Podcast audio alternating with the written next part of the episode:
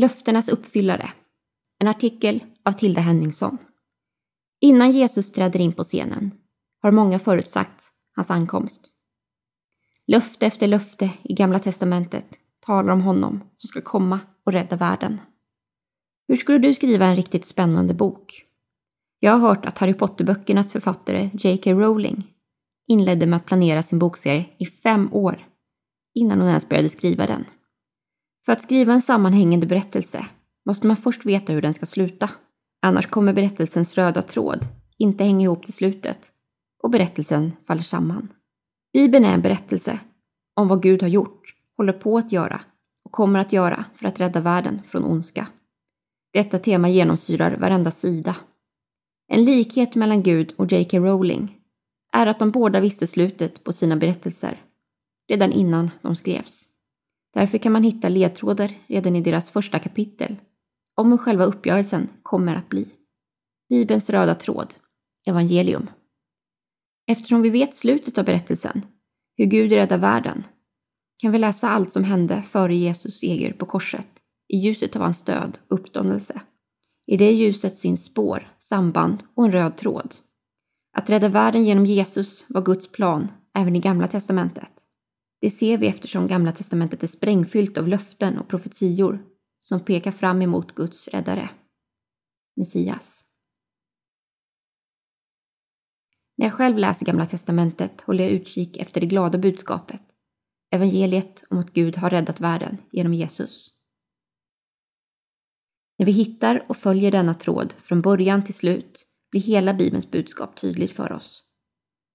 Det är ett budskap som förvandlar liv. Jesus och kvinnans avkomma, det första evangeliet. Gamla testamentet börjar helt från början, vid tidernas begynnelse. Tyvärr går det åt skogen redan i det tredje kapitlet, när människan väljer bort Gud. Men man får inte missa Guds svar på människans första misslyckande. Det är nämligen i det svaret som Bibelns röda tråd på riktigt tar avstamp. När Gud berättar vad som kommer att ske på grund av det onda som har sipprat in i världen vänder han sig särskilt till ormen. Gud säger att kvinnans avkomma, hennes barn, ska krossa ormens huvud och att ormen ska hugga honom i hälen. Första Moseboken kapitel 3, vers 15. Detta brukar kallas för det första evangeliet, alltså de första goda nyheterna om Jesus. Vad i detta är det som är gott då? Jo, att kvinnans avkomma ska krossa ormens huvud. Detta är ett löfte som pekar mot att Jesus, avkomman, övervinner döden genom att själv dö. Ormen hugger avkomman. Jesus betalar med sitt liv. Men avkomman krossar ormen. Jesus övervinner ondskan. Redan på Bibelns första sidor ger alltså Gud ett hoppfullt löfte som kommer att prägla resten av berättelsen fram till dess slut. Redan nu har vi en tråd att följa. Hoppet om räddning. Jesus och kung David. Evangeliet om ett evigt rike. Vi förflyttar oss framåt i den gammaltestamentliga historien. Israels folk bor i det utlovade landet som Gud har gett dem. Mitt under Israels glansdagar ger Gud ett stort löfte till kung David som pekar framåt. Löftet om att Davids tron ska finnas för evigt. Ett evigt rike. Andra Samuelsboken kapitel 7, vers 16. När Gud talar om något som kommer bestå i evighet i Bibeln så kan man utgå ifrån att det handlar om Guds plan att rädda världen. När Jesus gick på jorden kallades han för Davids son. Judarna som kallade Jesus för Davids son tänkte på detta löfte som Gud gav till David tusen år tidigare. De hoppades att Jesus skulle vara den nya kungen i Davids ett som kunde infria Guds löften om ett evigt rike. Vi som vet slutet på berättelsen väntar på att Jesus ska komma tillbaka och slutligen upprätta detta rike fullt ut. Jesus och Jesaja, det femte evangeliet. Jesaja har varit något av en favoritprofet inom kyrkan.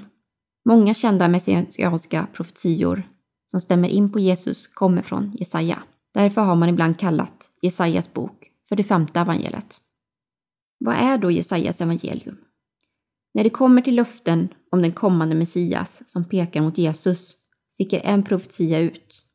Jesajas 53 kapitel målar en detaljerad beskrivning av Herrens lidande tjänare.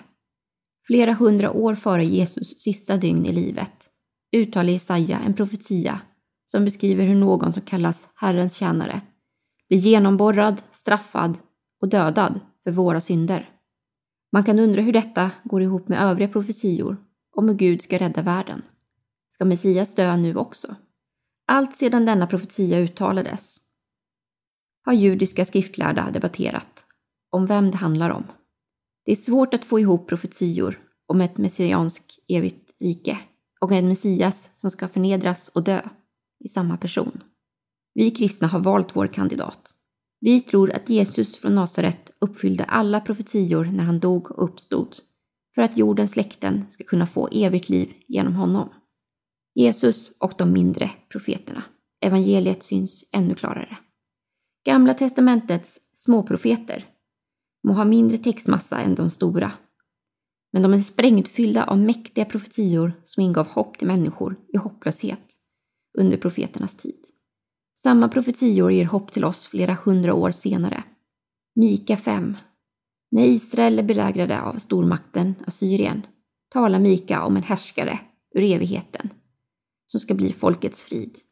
Denne kung och befriare ska, precis som kung David, födas i den lilla byn Betlehem. Sakarja 9. Den ursprungliga palmsöndagen. Profeten Sakarja uttalar en profetia om en messiansk kung som rider in på en fredens åsna för att tala frid till folken. Flera hundra år senare rider Jesus in på en åsna och välkomnas som Davids son, några dagar innan han korsfästs. Jesus dör inte på ett fridfullt sätt, men det är för att världen ska finna frid som han har, ger sig liv. Om profeterna själva insåg vidden av vad deras profetior betydde vet vi inte. Men det är stort för oss idag att tänka oss att Gud redan då berättade för människor om hur han en dag skulle rädda dem alla. Gamla testamentets berättelser kan kännas långt borta från Jesus i Nya testamentet. Men om man lär sig att läsa Bibeln med den röda tråden i sikte blir allt en enhetlig berättelse som visar på Guds otroligt stora plan. Ta gärna reda på mer om Bibelns röda tråd och leta sedan ledtrådar när du läser Gamla testamentet. Jag utlovar en spännande läsning som kan förändra ditt liv. Boktips När jag skrev denna artikel inspirerades jag av Leif Numelas bok Bibelns röda tråd. Läs den om du vill veta mer tips på en röd tråd att följa från GT till NT. Efter Guds löfte om kvinnans avkomma i Första Mosebok 3 fortsätter ett tema på hur Gud för sin vilja framåt med hjälp av kvinnor som av olika anledningar inte kan få barn. Läs in dig på Sara, Rebecka, Rakel, Hanna, Gamla Testamentet och Elisabet i Nya Testamentets liv.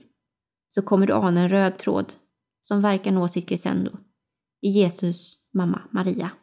En bön. Herre, tack för att din goda vilja alltid sker, oavsett vad människor tycker. Tala till oss genom ditt ord och hjälp oss att förstå vem du är genom det du har gjort.